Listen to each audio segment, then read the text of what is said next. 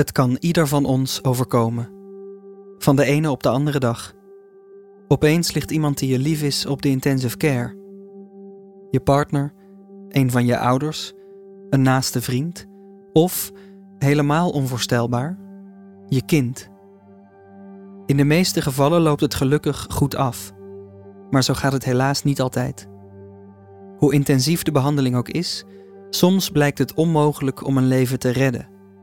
Of, ingewikkelder nog, soms kun je iemands leven verlengen met de inzet van alle beschikbare middelen, maar tegen een enorme prijs. Zoals een leven vol pijn of een leven waarin diegene volledig afhankelijk zal blijven van de zorg van anderen. Wie beslist dan wat nog draaglijk is en wat niet? Wat zinvol is en wat niet meer als de patiënt daar zelf geen uitspraak over kan doen, omdat hij te ziek is, te gehandicapt of nog veel te klein. Beslist het medisch team, beslissen de directe naasten of beslissen ze samen? Kun je dat als familie? Wil je dat? En is er eigenlijk wel tijd voor die gesprekken? Over al deze dilemma's gaat de podcast op leven en dood. Omdat het ieder van ons kan overkomen.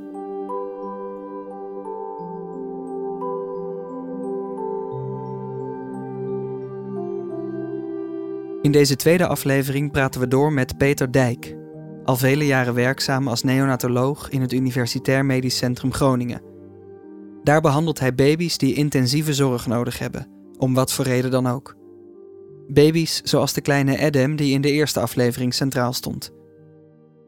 Peters zorg, en die van alle neonatologen met hem, beperkt zich niet tot de zorg voor de baby alleen, maar strekt zich ook uit naar de kerstverse ouders.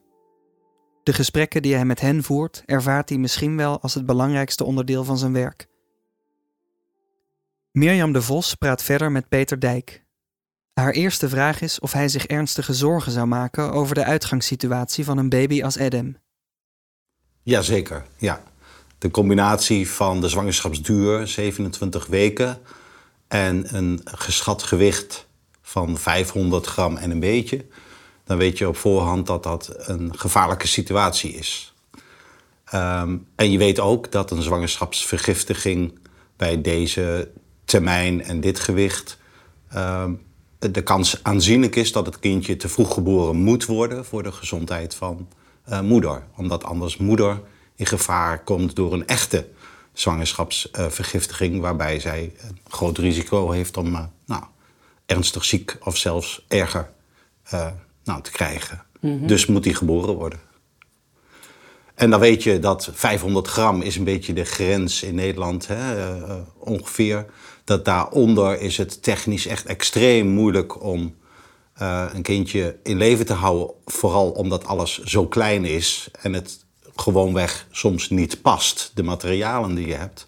En omdat het uiterst kwetsbaar is, het weefsel van een jongetje van 27 weken en slechts 500 gram. Ja. Dus je weet op voorhand dat dat een gevaarlijke situatie is. En dus proberen we ook uh, alvast voor de geboorte met de ouders daarover te praten. Uh, ook om hun uitleg te geven hoe zo'n geboorte dan gaat. Want dat gaat vaak een beetje anders dan een geboorte als een kindje op tijd geboren wordt. De opvang van een baby is een beetje anders. De kans is natuurlijk aanzienlijk dat het een keizersnede zal gaan uh, worden. Wat ook weer anders is dan een gewone normale uh, geboorte. Um, en mensen weten niet hoe dat gaat. En meestal als je niet weet hoe iets gaat, is het eng. Dus proberen we ouders mee te nemen in zo'n gesprek om verschillende redenen. A, om die angsten um, te bespreken al. Of dingen uit te leggen zodat die angsten er uh, minder zullen zijn. Maar ook natuurlijk om over de kansen en de risico's daarna te uh, spreken. Uh, wat kan er gebeuren? Wat is de kans op overleving? Wat is de kans op sterfte? Wat zijn de complicaties die kunnen optreden? En de derde reden voor dat gesprek is om alvast te horen hoe ouders tegenover al die dingen staan. Of zij het onderste kan willen wat betreft overleven, of dat zij de kwaliteit van leven uh, het belangrijkste achter voor een kind. Dus dat soort dingen komen allemaal in het prenatale gesprek dan al, uh, als het goed is, aan de orde. Als daar tijd voor is en ja, ruimte. En hier bij Adam is er tijd voor. En dan heb je het dus met ouders al over de mogelijke gevolgen. Ja. Wat kun je ze dan vertellen op zo'n moment? Ehm, dat het dus een gevaarlijke situatie is, 27 weken en 500 gram. Dat een aanzienlijk deel van de kinderen het niet haalt.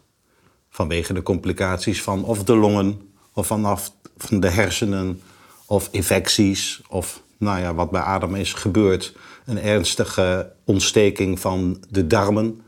Ehm, dat zijn complicaties die levensgevaarlijk zijn en kinderen dus soms ook niet overleven, ongeacht wat wij doen. Ehm, aan de andere kant uh, spelen er ook mee dat al die complicaties ook ernstige gevolgen voor de hersenen kunnen hebben. En daarmee voor de lange termijn. Dus de ontwikkeling en of ze normaal kunnen bewegen, of dat ze juist uh, uh, spastisch kunnen worden, kunnen zien en horen, voelen, communiceren. Dat zijn ja, belangrijke aspecten voor de kwaliteit van leven voor het kind later. en die risico's zijn er ook dat dat aangedaan is, dus dat dat niet 100% optimaal is. Um, bij deze zwangerschapsduur en uh, vooral dat gewicht erbij. Ja. Dus die, dat bespreken we. Ja. Ben je daar dan heel uitgebreid over in wat je daarover zegt tegen ouders? Um, nee, eigenlijk niet. Want ja, het is denk ik wel goed in te voelen dat uh, de aspecten die je in zo'n gesprek, of soms zelfs twee gesprekken, hè, moet uh, doen, dat dat best veel is. En dat ouders op een gegeven moment klapperen met de oren van de hoeveelheid aan informatie. En dan probeer je, denk ik wel, de essentie weer te geven van dat het een gevaarlijke periode is en dat er dingen kunnen optreden. Maar dan kies ik er meestal voor uh, persoonlijk om vooral hoopvol te zijn. Omdat het niet per definitie negatief is op dit moment. Er is hoop. Um, en die hoop is uh, bij dit termijn en dit uh, gewicht slaat uit naar de positieve kant. Uh, in de zin van de kans dat hij het wel overleeft en een leefbaar leven zal krijgen, is groter dan niet. Mm -hmm. Dus dat benadruk ik dan ook voornamelijk in het gesprek. Bij dit kleine jongetje ontstaan er na een hoopvolle start helaas ernstige problemen. En die maken dat er binnen het team twijfels ontstaan of het nog wel in zijn belang is om door te gaan. Ja, ook dat uh, wordt continu tegen elkaar afgewogen. Het belang op de lange termijn, wat ik net al een beetje geschetst heb over de ontwikkeling en over de spierontwikkeling en het kunnen bewegen, horen, ruiken, voelen, communiceren. Dat zijn de belangrijke dingen op de langere termijn. Maar op de korte termijn is het natuurlijk ook het um, welbevinden of het actuele lijden uh, speelt daarin zeker ook enorm mee. Ik denk dat ieder mens uh, zeer goed herkent dat je best in het hier en nu mag lijden, tijdelijk, om een lange termijn goede uitkomst te hebben. Dat je later een goed en plezierig leven kan hebben. Dan mag enig lijden nu tegenover staan. Maar als dat lange termijn ontwikkeling dusdanig slecht is dat dat zeer waarschijnlijk ook met pijn en lijden gepaard zal gaan, dan is het uh, niet eerlijk om een patiënt of een mens op dit moment te laten lijden om daar naartoe te komen. Dus die balans, het actuele lijden ten opzichte van de lange termijn, is altijd een hele belangrijke. En daar proberen we ook eigenlijk altijd wel oog voor te hebben. En dat speelt heel erg dus met wat met het jongetje Adam aan de hand is, namelijk zo'n necrotiserende enterocolitis, zo'n nek. Dat is een afschuwelijke ziekte. Dat is een soort uh, nou, blinde darmontsteking in het kwadraat, in het kwadraat, in het kwadraat. Dat is afschuwelijk. Dat moet heel erg pijnlijk en naar zijn om dat te, te hebben. Dus om dat door te maken, zo'n proces, kunnen we natuurlijk best wel wat regelen met pijnstilling als morfine en dergelijke. Maar ik geloof echt niet dat we dat helemaal weg kunnen halen zonder dat het kind anders aan de complicaties van de bloedsomloop, die je dan ook negatief daardoor beïnvloedt, uh, daardoor weer schade doet. Dus daar zit ehm, pijn en ongerief vast aan zo'n IC-periode. Dat weet ook iedereen die ooit eens iets van een IC heeft gehoord. Dat zijn slangetjes en prikjes, eh, of prikken. En uh, onaangename dingen en pijn door de ziekte zelf. Ehm, ja, dat moet wel in balans staan met de, met de lange termijn uitkomst. En dan kijken we niet alleen naar overleving. Bij Adam zie je op een gegeven moment dat er niet alleen sprake is van die nek, hè, waarvan jij zegt dat is op zich al een pijnlijke, nou zeer zorgwekkende aandoening. Hij krijgt ook een hersenbloeding. Ja. Een dubbele zorg. Als er sprake is van dit soort toch forse hersenbloedingen, wat zegt dat jullie? Wat kunnen jullie daarover zeggen? Als je ook weer kijkt naar die toekomst. Nou, dat is best uh, moeilijk. Um, we weten dat de vroeggeboren baby's uh, die op de intensive care voor het vroeggeboren op de NICU's worden behandeld, die allemaal onder de 32 weken uh, eigenlijk geboren zijn, um, dat die vaak daar wel iets aan overhouden op de lange termijn. En heel vaak is dat iets waar je een prima gelukkig leven mee kan leiden, maar soms ook niet. Um, en daar zit er nog een beetje verschil in de scores die je uh, zeg maar uit het wetenschappelijk onderzoek weet. Al die kinderen krijgen ontwikkelingstests en dergelijke. En er komen dan getallen uit, een beetje vergelijkbaar met IQ-scores, uh, zeg maar. En die getallen zijn allemaal slechter gemiddeld voor de hele groep uh, dan dat voor op tijd geboren baby's is. Zelfs geldt dat al voor baby's die twee of drie weken te vroeg geboren zijn. Die doen het uh, op de lange termijn slechter, wat scores betreft, dan de totale gezonde groep kinderen die op tijd is geboren. Maar dat zegt eigenlijk nog niks over het geluk wat je later tegemoet treedt. Mm -hmm. Of het geluk wat je mag beleven als mens. en dat herkennen we ook in deze categorie kinderen die um, grote bloedingen hebben. Um, en daar zeker op lange termijn ook minder goed scoren in die tests dan op tijd geboren baby's. Maar dat wil nog niet alles zeggen over hun functionaliteit in de maatschappij en, en het geluk wat ze mogen uh, beleven. Uh, dat is verschrikkelijk moeilijk om dat um, te voorspellen al in die neonatale periode, in die vroege periode als ze bij ons zijn. En is nog van heel veel dingen afhankelijk. Wat we toepassen is natuurlijk de statistiek van de gemiddelden over een hele groep. En dat is heel moeilijk om dat toe te passen op een enkel individu. dat proberen we wel, maar we moeten dus ook eigenlijk altijd een bepaalde slag om de arm houden in de gesprekken met ouders, omdat we het gewoonweg niet uh, uh, 100% zeker weten, vaak. Misschien best dat hij spastisch zou zijn. Dus dat hij een arm of een been niet kan bewegen... of misschien hulpmiddelen bij het lopen nodig heeft. Maar ook dat um, kan je best een goed leven mee hebben als mens. Ja. Zou het nog zo kunnen zijn dat Adam er helemaal goed doorheen komt... als jij hè, deze complicaties zo ziet? Als, ik de ouders zou, als mijn ouders mij zouden vragen van is er een kans dat hij er helemaal goed uitkomt, dan zou ik antwoorden, die kans is uiterst klein.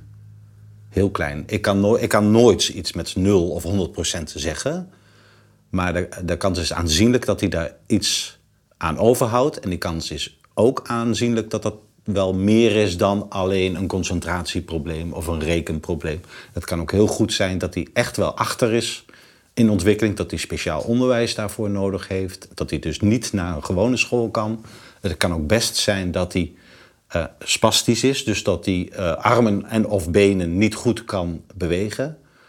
Um, maar de kans is ook aanzienlijk dat dat dusdanig is dat hij daar best wel een goed leven mee kan hebben. Deze ouders, in deze setting, zou ik dat zo vertellen. Ja. En waarom deze ouders in deze setting? Omdat deze ouders uh, hebben aangegeven dat ze uh, A, het overleven heel belangrijk achten en het lijden. Uh, moeder zegt steeds: wil niet dat mijn kind langdurig lijdt. En zij hebben aangegeven dat zij een kind met beperkingen, dat ze daar nog meer van zouden houden dan van een kind die dat niet zou hebben. Dus die komt in een goed nest, denk ik daarmee. En een goed nest, ik ben kinderarts, dus ik moet primair vanuit het belang van het kind denken, vind ik. En secundair vanuit het gezin en de ouders denken. En primair denk ik dat, ook al heeft dit jongetje wat, houdt hij er iets aan over, dan zou hij liefdevol uh, worden bejegend door zijn familie. En dat is essentieel in het kunnen hebben van een beetje geluk in je leven. Dus, dus daarom zou ik dat in dit geval zo formuleren. Ja. En daarmee weeg jij mee, hè, wat je al zei, ook zeker hoe ouders uh, er tegenaan kijken, hoe zij zelf in het leven staan. Ja. Um, als je ouders tegenover je hebt die uh, eigenlijk het, de andere kant van het spectrum zouden kiezen, van nou wij weten niet hoe we dit moeten gaan doen, um, dit is nou niet wat wij gedacht hadden. Hoe zou dan zo'n gesprek, hoe zou je dan zo'n gesprek insteken? Nou, dan um, eh, dan is wel, denk ik, een ander aspect nog wel belangrijk van tevoren. Want voor uh, alle beslissingen over doorgaan of stoppen met behandelingen of redirection of care, zoals dat in het Engels heet, is niet een individueel beslissing van, van mij als arts. Dat, is, dat gaat altijd in teamverband. Dus dat gaat met alle aanwezige neonatologen en verpleegkundigen en soms maatschappelijk werk erbij om een zo goed en volledig beeld van de patiënt te krijgen, maar ook van de hele context van, de, uh, van het kind te krijgen. en um, dan uh, streven we naar natuurlijk met z'n allen tot één uh, conclusie en één advies te komen. Wat eigenlijk ook meestal wel zo ongeveer lukt. Ehm, maar nu even terug. Ehm, hoe zou ik dan die andere ouders die meer terughoudend ten opzichte van de behandeling staan en meer zorgen uiten over de prognose van een uh, kind. Um, die zou ik inhoudelijk op zich natuurlijk hetzelfde uh, counselen in de zin of hetzelfde gesprek voeren met nou, dat er een, een, aanzienlijke kans is dat hij daar iets aan overhoudt en dat dat ook best ernstig zou zijn. Nou, dat is even de korte samenvatting van net. Maar dat dat niet wil zeggen dat het per definitie een ongelukkig leven is.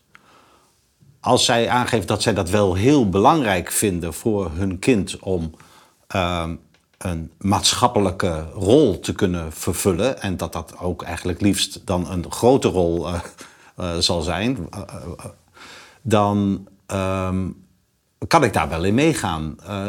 in de zin van, zij moeten wel het de zorg voor dat kind ook kunnen waarmaken. Want dat is dan weer in het belang van het kind. En als je merkt aan de houding en uh, de, of de mogelijkheden ook, hè, de mogelijkheden en de houding van de ouders, dat dat niet kan of dat ze dat niet willen. En dat het een kind zal zijn wat uh, nou, geïnstitutionaliseerd zal gaan worden, denk ik dat, uh, ondanks dat we een rijk en ontwikkeld land denken te zijn, dat de zorg voor uh, mensen met een beperking niet fantastisch is als het niet door het gezin zelf gegeven kan worden. En heeft het dus direct effect op het mogelijke geluk en ontwikkeling van dat kind. Dus dan kan best de conclusie de andere kant op vallen. Van dan vinden we dat we dat niet moeten doen. In het verhaal uh, van Adam zie je dat zeker bij de vader ook het geloof een belangrijke rol speelt. En dat dat ook um, zijn idee over wat er nog wel of niet moet gebeuren enorm kleurt. Herken je dat? Ja, ja. dat herken ik uh, van zowel uh, moslims, maar ook vanuit uh, het christelijk geloof zijn er natuurlijk ook mensen die vinden dat het leven het grootste goed is door God gegeven en dat je dat ten alle tijde moet uh, koesteren en dus moet doen uh, wat technisch mogelijk is om dat leven in stand te houden. Nou, daar zitten natuurlijk nog heel veel andere visies bij in over lijden En ehm, over wat je als mens wel en niet mag uh, beslissen ten opzichte van het goddelijke. En um, ondanks dat ik zelf uh, ook gelovig ben opgevoed, vind ik het soms heel, wel erg moeilijk om de extremen ervan, om daarmee om te gaan. Omdat ik het soms niet persoonlijk invoelbaar meer vind. En ehm, andere aspecten herken ik heel erg en kan ik me prima bij invoelen. En ik denk ook dat vaak in de extreme gevallen de ouders het misschien ook hun geloof niet helemaal 100% correct hebben opgevat. Oftewel dat ze de, de, het zien als een soort wetgeving waaraan ze zich tot het bittere eind moeten houden. Terwijl als jij een geestelijk verzorger of een imam of een dominee of een pastor vraagt: kom eens mee en kom eens met ons mee uh, praten daarover, dat dat vaak genuanceerder ligt. En dat ook dat ouders heel erg kan helpen om hun mening uh, te vormen. En zijn soms zelfs erg opgelucht als dan de imam of de geestelijk verzorger zegt van ja, maar dit is niet, dit, dit, dit, wat de dokter voorstelt mag wel hoor. Ehm, zo simpel is het soms. En dus ik ben vrij laagdrempelig om hulptroepen op dat gebied uh, in te roepen. En dat kan dus heel goed zijn een uh, of een, de, de, de geestelijk verzorger van het ziekenhuis die zeg maar alle geloven doet, zeg maar. Um, en maatschappelijk werk kan ook heel goed helpen om de concrete vragen of de concrete angsten of de concrete redenen erachter die ouders dan soms niet nadrukkelijk tegen ons als behandelde dokters zeggen, omdat ze misschien soms bang zijn voor de consequenties daarvan. Van oké, hij geeft toch toe en hij is toch akkoord um, met het voorgestelde beleid. Dat, en dat ze dat niet zo direct willen uh, doen. Ook het als ouder beslissen over uh, het leven of dood van je kind is moeilijk voor veel mensen, zeker in relatie tot geloof, want daar gaat de mens niet over. In die contexten helpt het dus ook soms, wat ik eerder al zei, dat ik een redelijk paternalistische dokter ben, is dat ik het niet vragend aan hun stel, maar zeg: dit is, dit is wat wij vinden als behandelteam.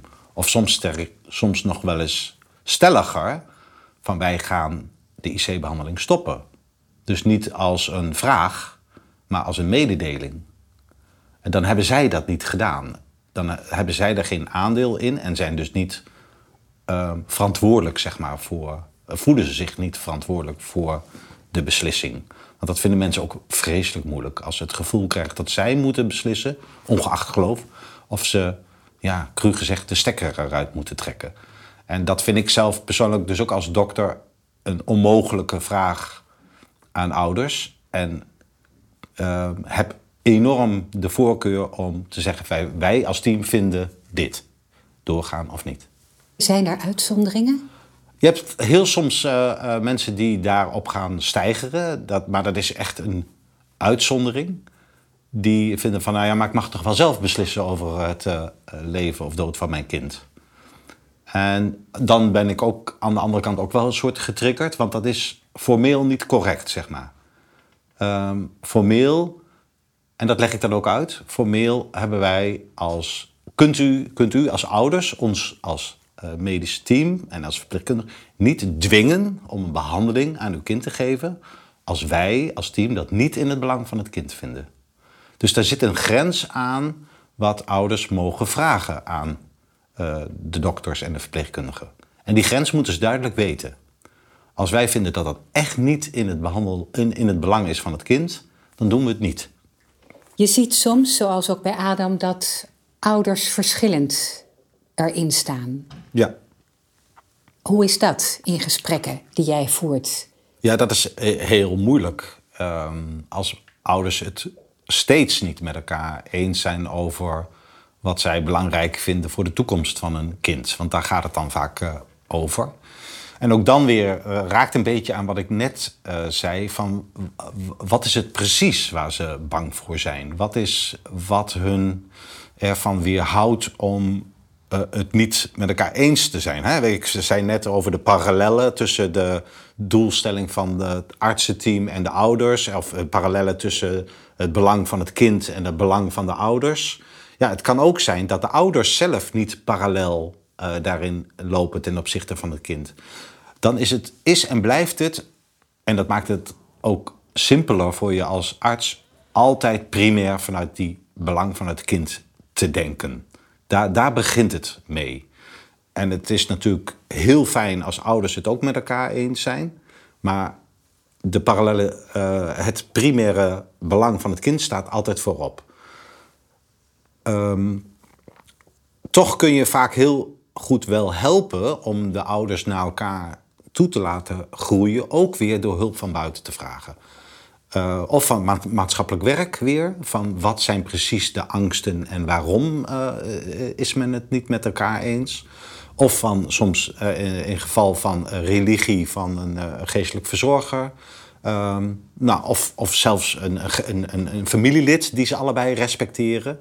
Maar het kan heel erg helpen om, als jij daar als hulpverlener, als de arts niet doorheen komt, om hulp van buiten uh, uh, te vragen.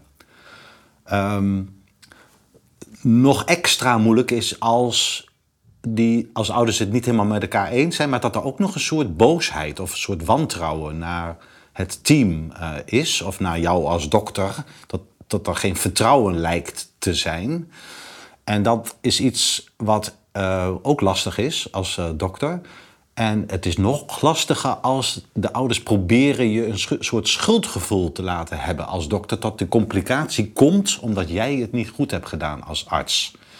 Want dan eh, krijg je nog een, als arts een andere emotie erbij, namelijk schuldgevoel zelf. En, en dat is iets waar ik herken als artsassistent, dat ik me al die complicaties altijd enorm aantrok. Van, oh, ik, had, ik heb dit niet, misschien niet goed gedaan of dat misschien niet goed gedaan. Terwijl dat helemaal niet echt fouten waren of zo. Of, maar nuances in beleid. Um, en dat, dat moet je bewust als arts van je af laten glijden. Tenzij je natuurlijk wel een fout hebt gemaakt. Dan moet je echt ook vol met de billen bloot. Maar als, je, als het dat niet is, als het een complicatie is die had kunnen optreden en helaas is gebeurd, dan is het niet jouw fout. En die moet je je ook niet laten aanpraten door de. of laten voelen door de ouders dat het wel zo is. En dat is voor je eigen gevoel en van je uitstraling vervolgens naar de ouders heel belangrijk dat je dat blijft uitstralen van nee, dat is het niet. Het is niet, komt niet door ons. Het is iets wat hoort bij deze vroeggeboorte en dit gewicht. En het kan gebeuren wat we ook doen. Dat geeft veel meer vertrouwen uiteindelijk dan dat je wel een soort terugtrekbeweging maakt als arts en dat half aanneemt. Want dat is ook voor alles wat je daarna doet, kan dat um, nou, een soort twijfeling bij die ouders ook geven. Als jij zelf ook dat kun je niet verbloemen. En dat moet je ook niet verbloemen, want dat is nergens voor nodig. Vertrouwen, hè, die je, hè, zoals in het, ook het verhaal van Adam, als vertrouwen eenmaal verdwijnt, win je het weer terug? Dat, dat, is, dat is wel moeilijk. Um, meestal lukt het wel, Um, soms niet. Soms is er zo'n grote boosheid die de ouders op jou als persoon projecteren, dat wij in extreem zeldzame situaties overigens dan toch een wissel doen. Dat we uh, de, zeggen van nou, deze dokter doet het niet meer, we gaan een andere invliegen. Meestal een met meer grijs haar, zeg maar.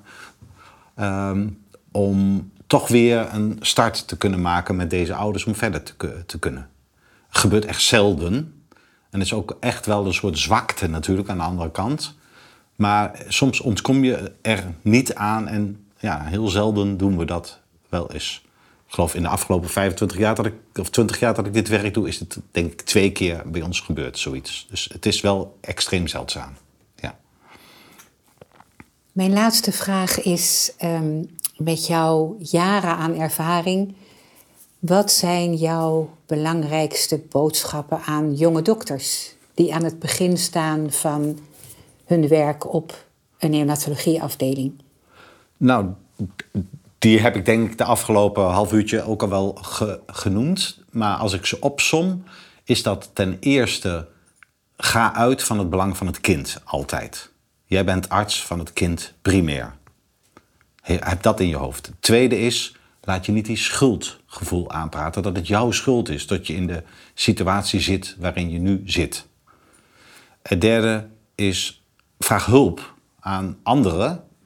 Um, wat ik net zei, hè, een, een, ehm, een familielid van uh, de ouders of een, um, een imam of een pastor of een dominee. Als je denkt dat dat uh, handig is, praat ook vanuit de beslissingen dat dat iets is door het team gedaan en dat, dat niet alleen jij persoonlijk dat uh, hebt gedaan. En wees altijd eerlijk. Je mag een twist naar links of een twist naar rechts, maar in, in, in beginsel moet je volledig eerlijk zijn um, wat, wat je weet en wat je doet. Nou, dat is het. De belangrijkste, geloof ik. Of ben ik wat vergeten, denk je? Omgaan met je gevoel. Ja, je Omgaan moet je, met je eigen emoties. Ja, dat is ook een, een belangrijke. En uh, het is heftig werk natuurlijk, want uh, het raakt jezelf ook. En dat is denk ik ook een ander ding. Als het jezelf niet meer raakt, moet je stoppen met het werk. Maar je moet wel een balans hebben dat je er wel in door kan gaan natuurlijk. Dat je wel je werk kan, kan doen. En ook daar is er natuurlijk, als het nodig is, vraag hulp.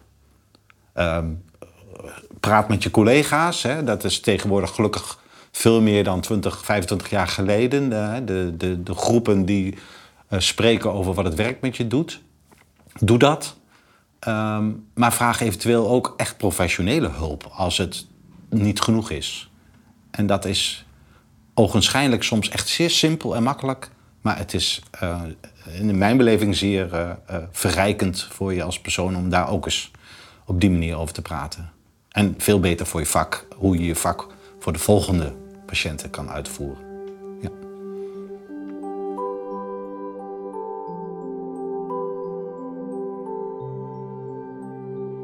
In deze aflevering spraken we met Peter Dijk, als neonatoloog verbonden aan het UMC Groningen.